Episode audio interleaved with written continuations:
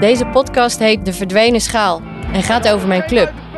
Ja, en die schaal dus. 1-0 komt daar Wouden en daar is 1-0. Daar is dan de schaal. Na de uitreiking is de prijs nooit meer gezien.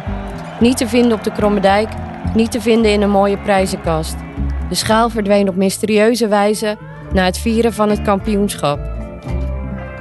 Acht jaar later, bij de uitvaart van voormalig fysiotherapeut Jan Post, ligt de schaal bovenop zijn kist. Inmiddels heb ik een aantal oud-spelers, de verzorger en de toenmalige voorzitter gesproken. De een kan zich iets van de schaal herinneren, de ander meent dat er zelfs geen schaal was. Nee, er is nooit een schaal geweest. Nee. Zover ik weet hoor, ik heb hem nooit gehad in ieder geval. In deze podcast ga ik verder op zoek naar de schaal. Wat is het verhaal hierachter? Wie zijn de mensen die er wat mee te maken hebben en wat betekenen zij voor de club? Maar belangrijker nog is, waar is die schaal?